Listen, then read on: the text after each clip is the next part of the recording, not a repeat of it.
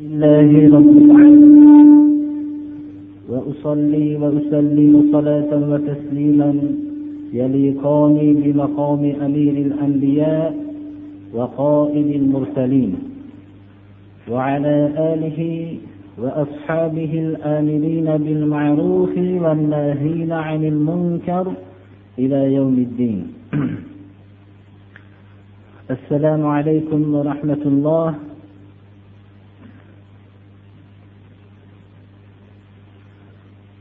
payg'ambarimiz sollallohu alayhi vasallamdan abu saidinil hudriy roziyallohu anhu rivoyat qilgan ekanlar bu hadis sharifni abu yalo o'zlarining masnadlarida keltirganlar bismillahi rohmanir rohim ألا أخبركم عن الأجود الله الأجود الأجود وأنا أجود ولد آدم وأجودهم من بعدي رجل علم علما فنشر علمه يبعث يوم القيامة أمة وحده ورجل جاد بنفسه في سبيل الله حتى يقتل.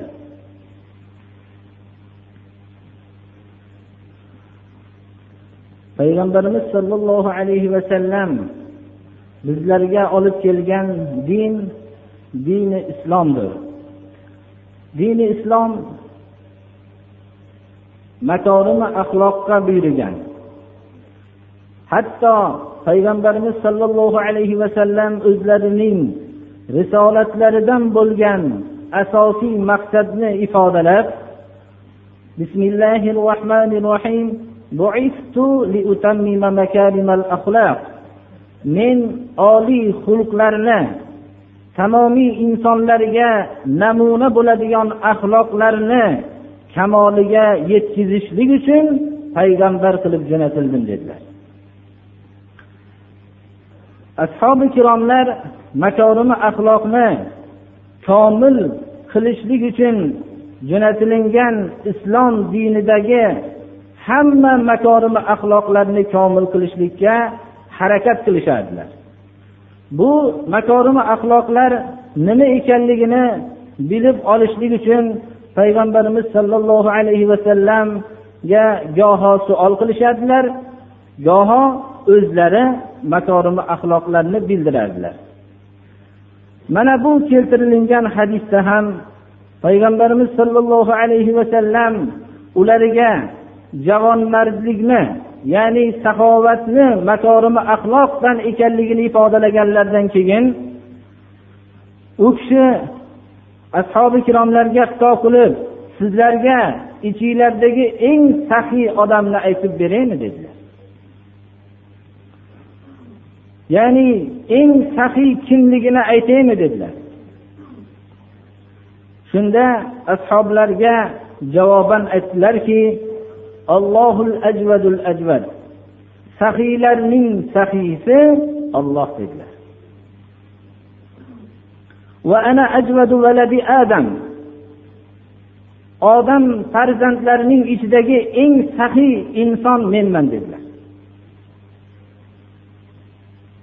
وأجودهم من بعدي رجل علم علما فنشر علمه يبعث يوم القيامة أمة وحده لله mendan keyingi eng saxiy odam bir ilm o'rgangan bo'lsa shu ilmni ollohning bandalari o'rtasida nashr qilib tarqatgan bo'lsa mendan keyingi eng saxiy odam shu dedilar. Qiyomat kuni o'zi bitta bo'lsa ham bir ummat bo'lib qiyomatda tiriladi dedilar. Va yana saxiy odamlarning bittasi o'zining jonini olloh yo'lida bergan bo'lsa faqat olloh yo'lida.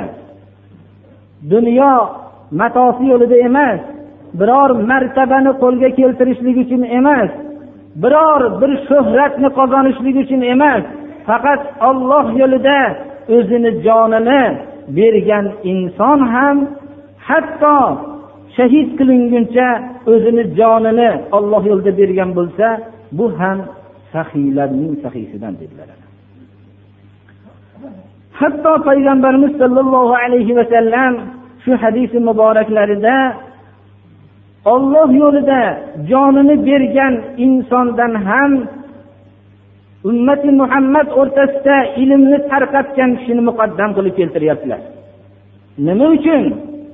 Agar ilm shariat ilmi hayotdan agar yo'qolsa odamlar tamomiy shariat tarafidan kelgan ahkomlarni poymol qilisha boshlaydilar ollohni yo'lida jonini qurbon qilishlikni ham aslida shariat tarafidan kelgan ilm orqali o'rganishadilar. Shuning uchun ashoblar bu hadislardagi yo'llanmalarni eshitishib o'zlarining eng saxiy insonlar qila olishdilar. Ular payg'ambarimiz sollallohu alayhi vasallamdan o'rgangan ilmlarini tamomiy olamga tarqatisha oldilar. Boshqa millatlar ham bu islom tarafidan kelgan katta ne'matdan foydalanishdilar. Lekin keyingi avlodlari o'zlari bu ne'matlarning bu taraqqiyotlarning qayerdan kelganligini bilmasdan ustozlarini tanishmay qoldilar keyingi musulmon avlodi ilm tarqatishlikka beparvo bo'lganligi natijasida hamma millatning orqasidan o'rin olishdi birodarlar. Biz ham payg'ambarimiz sollallohu alayhi vasallam eng sahiylarning sahiysi deb atagan kishilardan bo'lishlikka harakat qilmoqligimiz kerak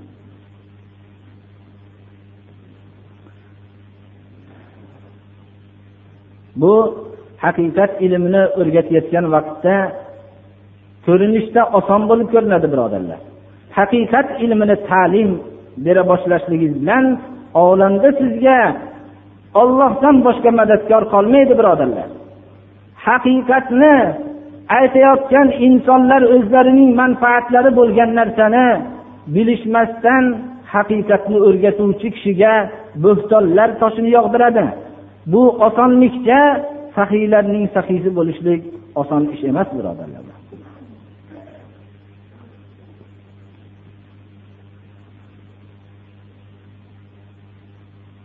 Eng ilmning avvali qur'oni karim bo'lganligi uchun har juma namozida olloh qodir qilgancha miqdorda suralarni tafsir qilib kelyapmiz.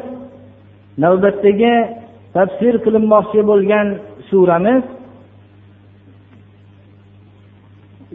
surai muddassirga kelgan edik bizning ham maqsadimiz shu edi. Payg'ambarimiz sollallohu alayhi vasallam aytgan sahiy kishilardan bo'lishlik. Agar mana shu oyatlarda ifodalangan mazmunlarni har kim o'ziga olib va buni o'zgalarga bildirib shunday qilgan bo'lsa alloh subhanahu va taologa hamd aytamiz shu ne'matiga bismillahi rohmanir rohim suratul muddassir payg'ambarimiz sollallohu alayhi vasallam makkada turganlarda nozil bo'lgan. Ba'zi rivoyatlarga qaraganda hatto ba'zilar surai qalamdan keyin e, surai iqro surasidan keyin nozil bo'lgan birinchi sura deb ham rivoyat qilishadilar. Ba'zilar muzammil nozil bo'lgan iqro surasidan keyin deyishadilar. Makkada turganlarda ham nozil bo'lib demak barvaqt nozil bo'lgan suralardan. Ellik olti oyatni tashkil qiladi.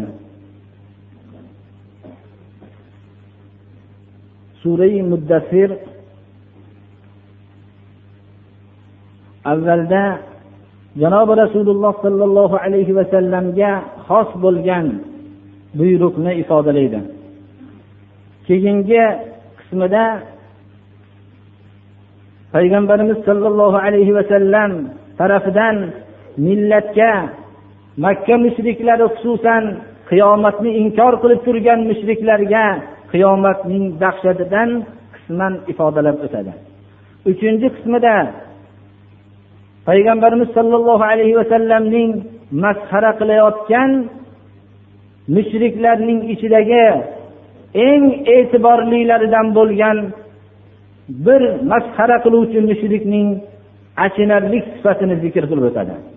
Bu zikr qilinishligi keyingi ham dinni masxara qiluvchilarga ibrat bo'lib qolishligi uchun zikr qilingan bo'lsa kerak allohu alam. xullas keyingi qismlari o'zini o'rnida aytamiz bismillahi rohmanir rohim يا أيها المدثر قم فأنذر وربك فكبر وثيابك فطهر والرز فاهجر ولا تمنن تستكثر ولربك فاصبر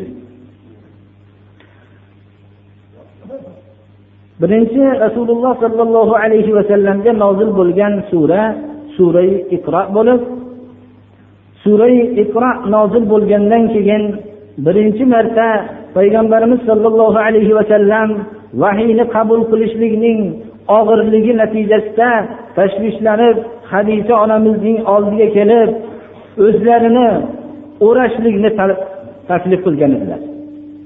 Ular o'rab qo'yishganlaridan keyin billah ya ayyuhal muzzammil qumil layla oyati nozil bo'lib o'ralgan o'rningizdan turing degan buyruqni ifodalovchi sura nozil bo'lgan edi.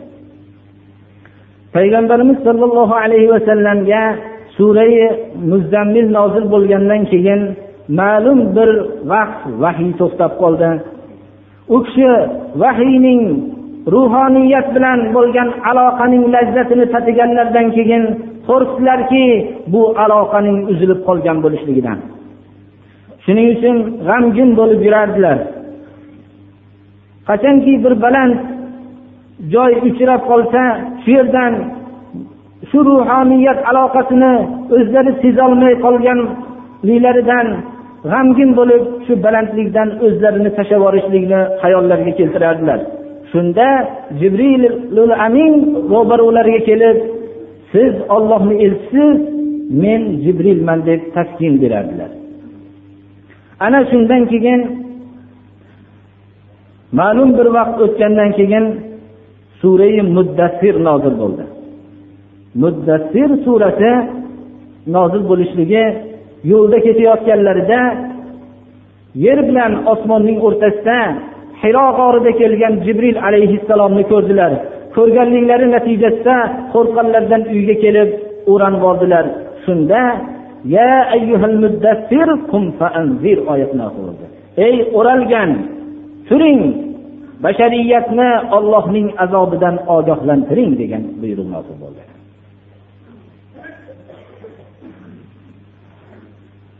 bu odamlarning ollohni azobidan ogohlantirishlik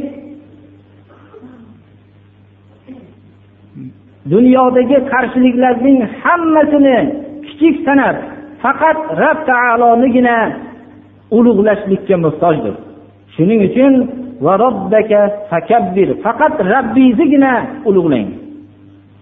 Ro'baro'da sizga qarshilik qilayotgan hamma narsalarni kichik narsa sanang. Va da'vat qiluvchi kishi o'zining qalbini poklashlikka muhtoj. Uning ichki va tashqi o'rinlarini poklashlikka muhtoj. Shuning uchun alloh subhanahu va taolo kiyimingizni poklang. Arab istilohida kiyim deb insonni qalbini iroda qilinadi. Fulanun tohiru sav deyilsa tohiru siyab deyilsa kiyimi toza degan lug'aviy ma'noni ifodalaydiyu lekin qalbi toza degan mazmunni bildiradi. Ya'ni qalbingizni poklang.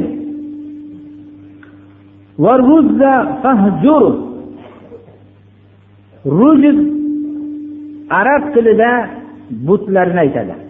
Payg'ambarimiz sollallohu alayhi vasallam payg'ambar bo'lishlarida u yoqda tursin. Payg'ambar bo'lishliklaridan ilgari ham johiliyat amallarining birortasida ishtirok etmaganlar. Va azob ma'nosini bildiradida azobga ya'ni do'zaxga olib boruvchi har bir amaldan voz keching deganlar. Rujiz azob ma'nosida ya'ni do'zaxga olib boruvchi har bir azobdan tashlang bu narsani azobni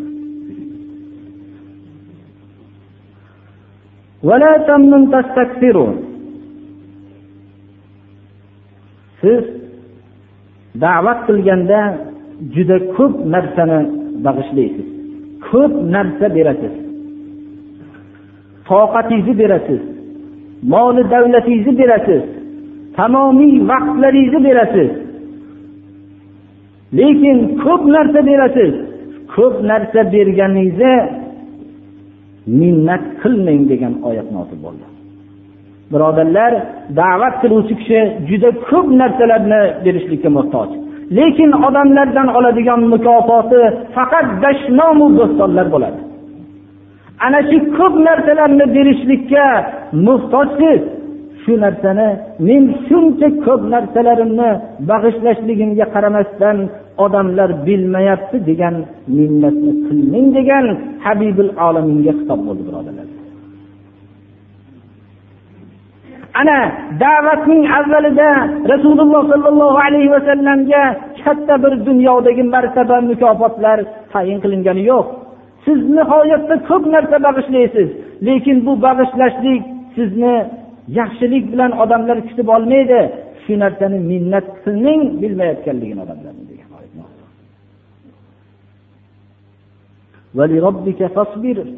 siz rob taoloning yo'liga da'vat qilishlik bilan ko'p narsalarga duchor bo'lasiz. Bunga faqat rabbingizni rizosi uchun sabr qiling sizning shunday mashaqqatlaringiz uchun rabbingiz sizdan rozi bo'lib turadi. Dunyoning hammasini berayotgan dashnomidan voz kechib rab taoloning rizosi qo'lga kelayotganligi uchun sabr qiling shu narsani.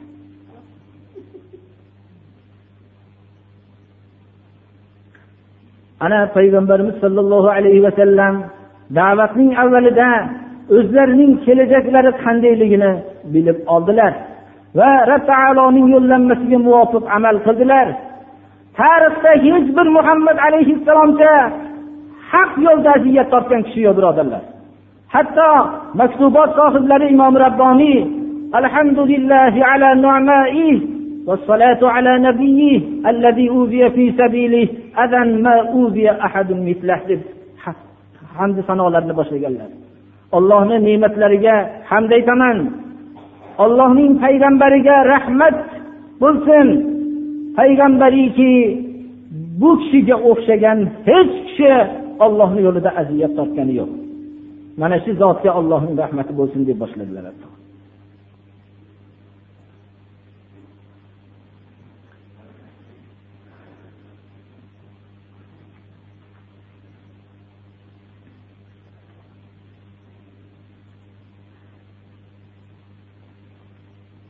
makka mushriklari ko'p takror qilyapmiz ollohni inkor qilishmasdi. Ular koinoti yerni olloh yaratgan deyishardi. Lekin ularning bir qismlari o'lgandan keyingi tirilishlikni inkor qilishardi. Bir qismlari inkor qilishmasa olloh bilan bandalar o'z o'rtasiga vositalar qilib butlarga sig'inishardi. Shular mushrik deb ataldi. Shular bilan payg'ambarimiz sollallohu alayhi vasallamning kelishmaslikka buyruq bo'ldi. Payg'ambarimiz shu mushriklar bilan yigirma uch yil kurashdilar. Shulardagi qatnashgan kishilarning g'oziy deb atadilar. Shu jangda vafot qilganlarni shahid dedilar. Mana shu bular ollohni inkor qilgan kishilar emas edi. Ollohning yo'liga unamagan kishilar edi. Ana ularning bir qismlari aytib o'tdik. Ollohni qiyomatda chirigan suvaylarning qaytadan tirilishligini inkor qilishardi. Ular ollohning bu qudrati haqida shak shubha qilishmasin. Unda shak shubha yo'q albatta tirilajak ekanliklaridan.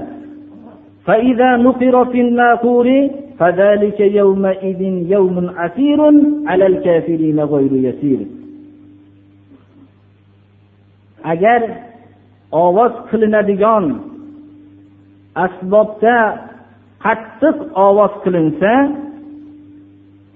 butun mahsharda odam alayhissalomdan tortib tamomiy qiyomatgacha bo'lgan insonlar hammasi tiriladi. Ular nima uchun tirilishadi? Ular hisob kitob uchun tirilishadi. Ular og'ir bir hisob uchun tirilishadi. Bu kun bu tirilishlik qiyomat kunida og'ir kundir. Nihoyatda og'ir. Hatto og'irligi shu darajadaki yengillikning u yerda bo'yi ham yo'q. Xususan kofirlarga oson emas bu kun osonlik degan narsaning bo'yi yo'q bu kunda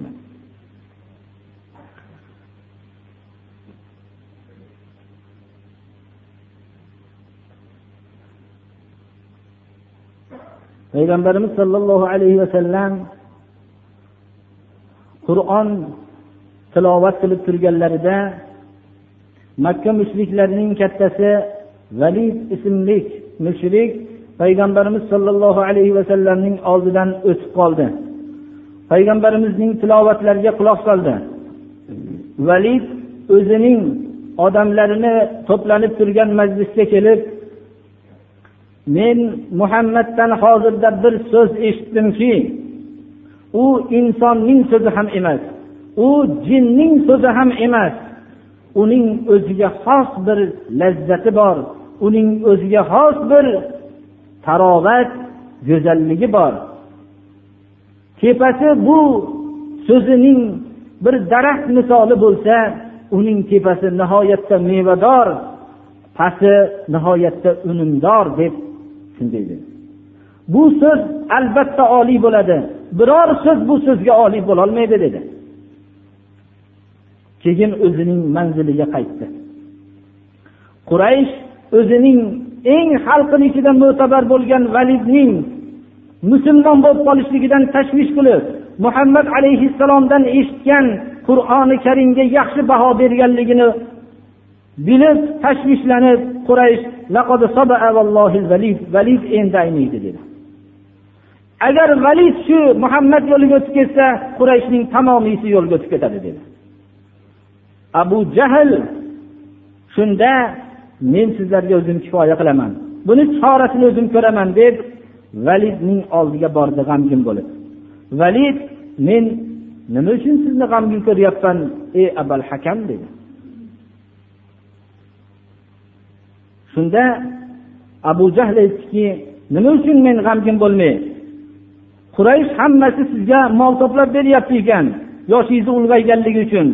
Chunki siz muhammad alayhissalomning so'ziga ziynat berib u kishini so'zini maqtab o'zingizni ota buvangizni yo'lidan qaytibsiz dedi. Shunga mol to'plashyapti ekan xursand bo'lib. Musulmonlar dedida ya'ni uning hamiyatini keltirishmoqchi bo'ldi. Shunda valid g'azablanib quraysh men ularning ichida eng moldor eng farzandi ko'p ekanligimni bilmas ekanman. Muhammadning ashoblariga o'zi ovqat yetmayapti menga nima berishadi deb g'azablandi. Shunda abu jahl bilan birga kelib o'zining odamlarini oldiga kelib aytdiki muhammadni jinni deyapsizlar. Biror marta jinnilik qilganligini ko'rganmisizlar? dedi. Ular hammasi yo'q deyishdi. Muhammadni folbin deyapsizlar biror marta folbinlik qilganligini ko'rganmisizlar? Yo'q deyishdi. Muhammadni shoir deyapsizlar biror marta she'r aytganligini ko'rganmisizlar? Yo'q deyishdi. Muhammadni yolg'onchi deyapsizlar hayotida biror marta yolg'onini tajriba qilib ko'rganmisizlar dedi. Yo'q deyishdi. Quraysh shunda aytdiki unday bo'lsa nima deymiz? Nima deb aytaylik? Deganda o'zi fikrladi. Fikrlab fikrlab turib sehrgar dedi. Ko'ryapsizlarki ota bolalarni o'rtasini ajratib tashlayapti dedi. Ana ular shu sehrgar degan nom qo'yishdi. Alloh subhanahu va taolo mana shu voqeadan keyin shu oyatni nozil qilib استعيذ بالله ذرني ومن خلقت وحيدا وجعلت له مالا ممدودا وبنين شهودا ومهدت له تمهيدا meni qo'ying yo muhammad alayhissalom o'zim xoli qilib molsiz farzandsiz qilib avvalda yaratgan odamim bilan qo'yib qo'ying dedi bu validga o'xshagan mushriklarni menga qo'yib qo'ying dedi bularni molsiz dunyosiz farzandsiz qilib avvalda yaratuvdim.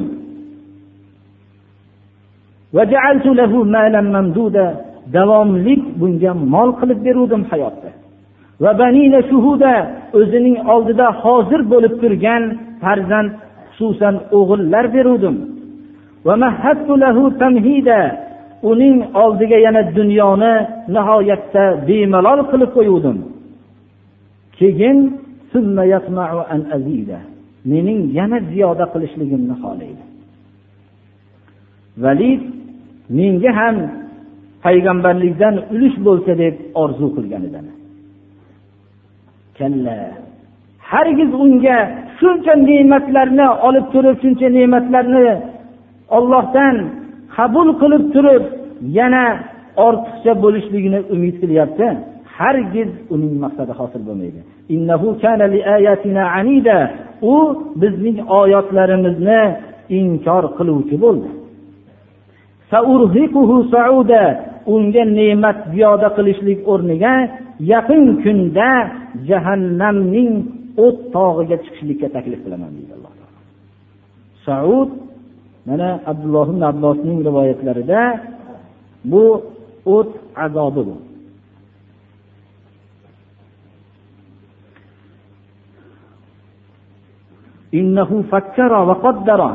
mana aytib o'tdik muhammad alayhissalomga nom qo'yishlik uchun u fikrladi quraysh undan talab qilgandi har bir narsani hisob qilib ko'rdi o'lchab ko'rdi u desammikin bu desammikin deb o'lchab ko'rdi qurg'ur qanday bu narsalarni dillariga kelib hisob qildi u o'lsin qanday bu narsalarni hisob qildi. Keyin xalqqa qaradi. Abasa peshonalarini tirishtirib va yuzlarini burishtirib adbara rasuli olib kelgan nurdan bosh tortib kibr qildida bu ilgaridan naql qilinib kelayotgan sehr dedi uning go'yoki xalq o'rtasidagi biz qur'oni karim shu yerdagi uning xalq o'rtasida o'zi payg'ambarimiz sollallohu alayhi vasallam haqqiga biror bir fitna angiz bo'lgan so'zni o'ylashlikka bo'lgan holatini tasvirlab beryapti mana. Bu insonni so'zidan boshqa narsa emas deb aytdi mana. La'natullohi alayhi.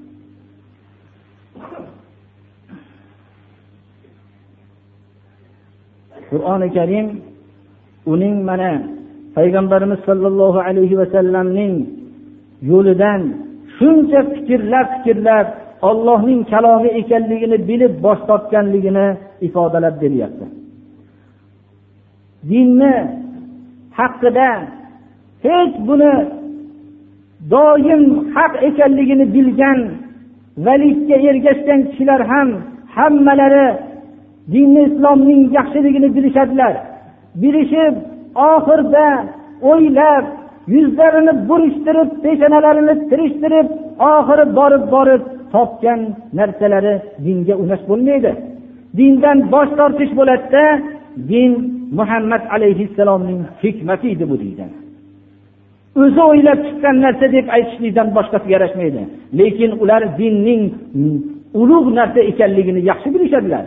Olloh tarafidan kelgan vahiy ekanligini qabul qilisha olmaydilar mana. Bunaqa validlar har bir zamonda topiladi.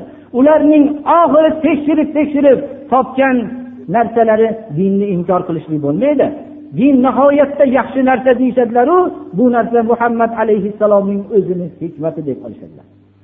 U kishi hech qanday maktab ko'rmagan zotdan buncha hikmatli narsani sodir bo'lishligi o'zlari tarafidan mumkin emas edi. Bu narsa albatta alloh subhanahu va taolo tarafidan bu jo'natilingan risolat vahiydi mana shuning uchun mana bu validning ham bu achinarli holatini qur'oni karim shunday ifodalayaptiki bu haqiqatda shunaqa ko'p harakatlar bilan fikrlab fikrlab topgan narsalari bundan boshqa narsa bo'lmaydi mana birodarlar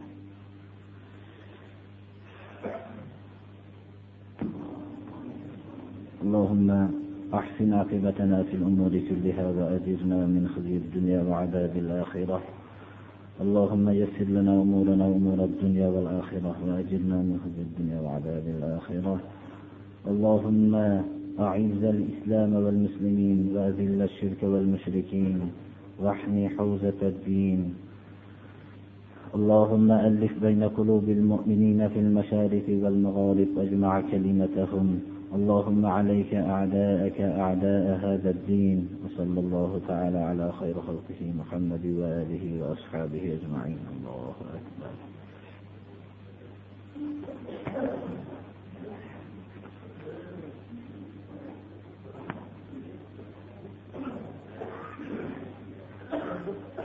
Chunki bu harflarni ham yaxshi tanimayapmiz nima deydi agar shu xatni yozgan kishi o'zimga الحمد لله الذي خلق السماوات والأرض وجعل الظلمات والنور ثم الذين كفروا بربهم يعدلون. هو الذي خلقكم من طين ثم قضى أجلا وأجل مسمى عنده ثم أنتم تمترون. وهو الله في السماوات وفي الأرض.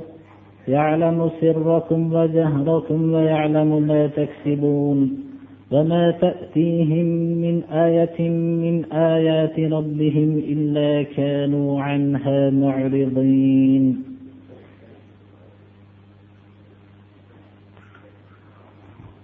الحمد لله رب العالمين والصلاة والسلام على رسوله خاتم الأنبياء والمرسلين وعلى آله وأصحابه الآمرين بالمعروف والناهين عن المنكر إلى يوم الدين خصوصا على الصديق والفاروق وذي النورين والمرتضى أئمة رضوان الله تعالى عليهم أجمعين. أعوذ بالله من الشيطان الرجيم. إن الله يأمر بالعدل والإحسان وإيتاء ذي القربى وينهى عن الفحشاء والمنكر والبغي يعظكم لعلكم تذكرون. بارك الله لي ولكم في القرآن العظيم ونفعني وإياكم بما فيه من الآيات والذكر الحكيم. إنه هو الغفور الرحيم. الرحمن الرحيم. اللهم تقبل منا هذه الصلاة واعف عنا مع جميع نقصاناتها بفضلك وكرمك يا أكرم الأكرمين ويا أرحم الراحمين. اللهم إنا نسألك العفو والعافية في الدين والدنيا والآخرة. اللهم استرنا بسترك الجميل. اللهم احفظنا يا فياض من جميع البلايا والأمراض.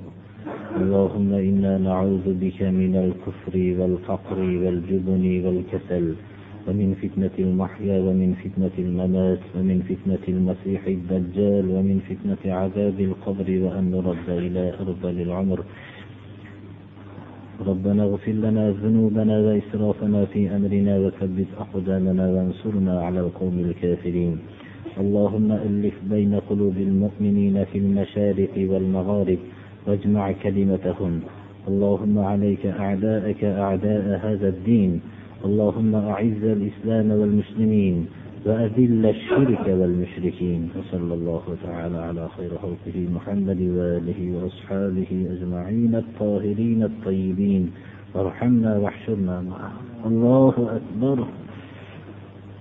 الله من الشيطان الرجيم. بسم الله الرحمن الرحيم. الذين يذكرون الله قياما وقعودا وعلى جنوبهم وعلى جنوبهم ويتفكرون في خلق السماوات والأرض.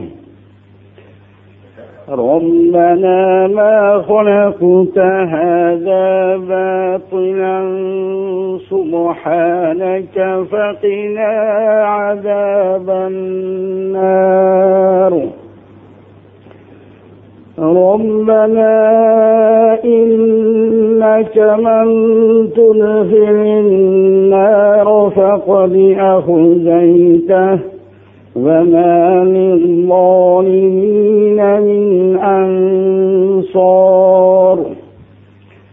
ربنا إننا سمعنا مناديا ينادي للإيمان أن آمنوا بربكم فآمنا ربنا فاغفر لنا ذنوبنا وكفر عنا سيئاتنا وتوفنا مع الأبرار. ربنا وآتنا ما وعدتنا على رسلك ولا تخزنا يوم القيامة. إنك لا تخلف الميعاد. سبحان ربك رب العزة عما يصفون وسلام على المرسلين والحمد لله رب العالمين. اللهم تقبل منا إنك أنت السميع العليم. اللهم ارحمنا بالقرآن العظيم واجعله لنا إماما ونورا وهدى ورحمة. اللهم ذكرنا منه ما نسينا وعلمنا منه ما جهلنا وارزقنا تلاوته آناء الليل وآناء النهار. واجعله لنا حجة يا رب العالمين. الله أكبر. Odamlarni hasanotli qilsin parvardigoro gunohlarni mag'firat qilsin ibodatlarni qabul qilsin. Allohu akbar.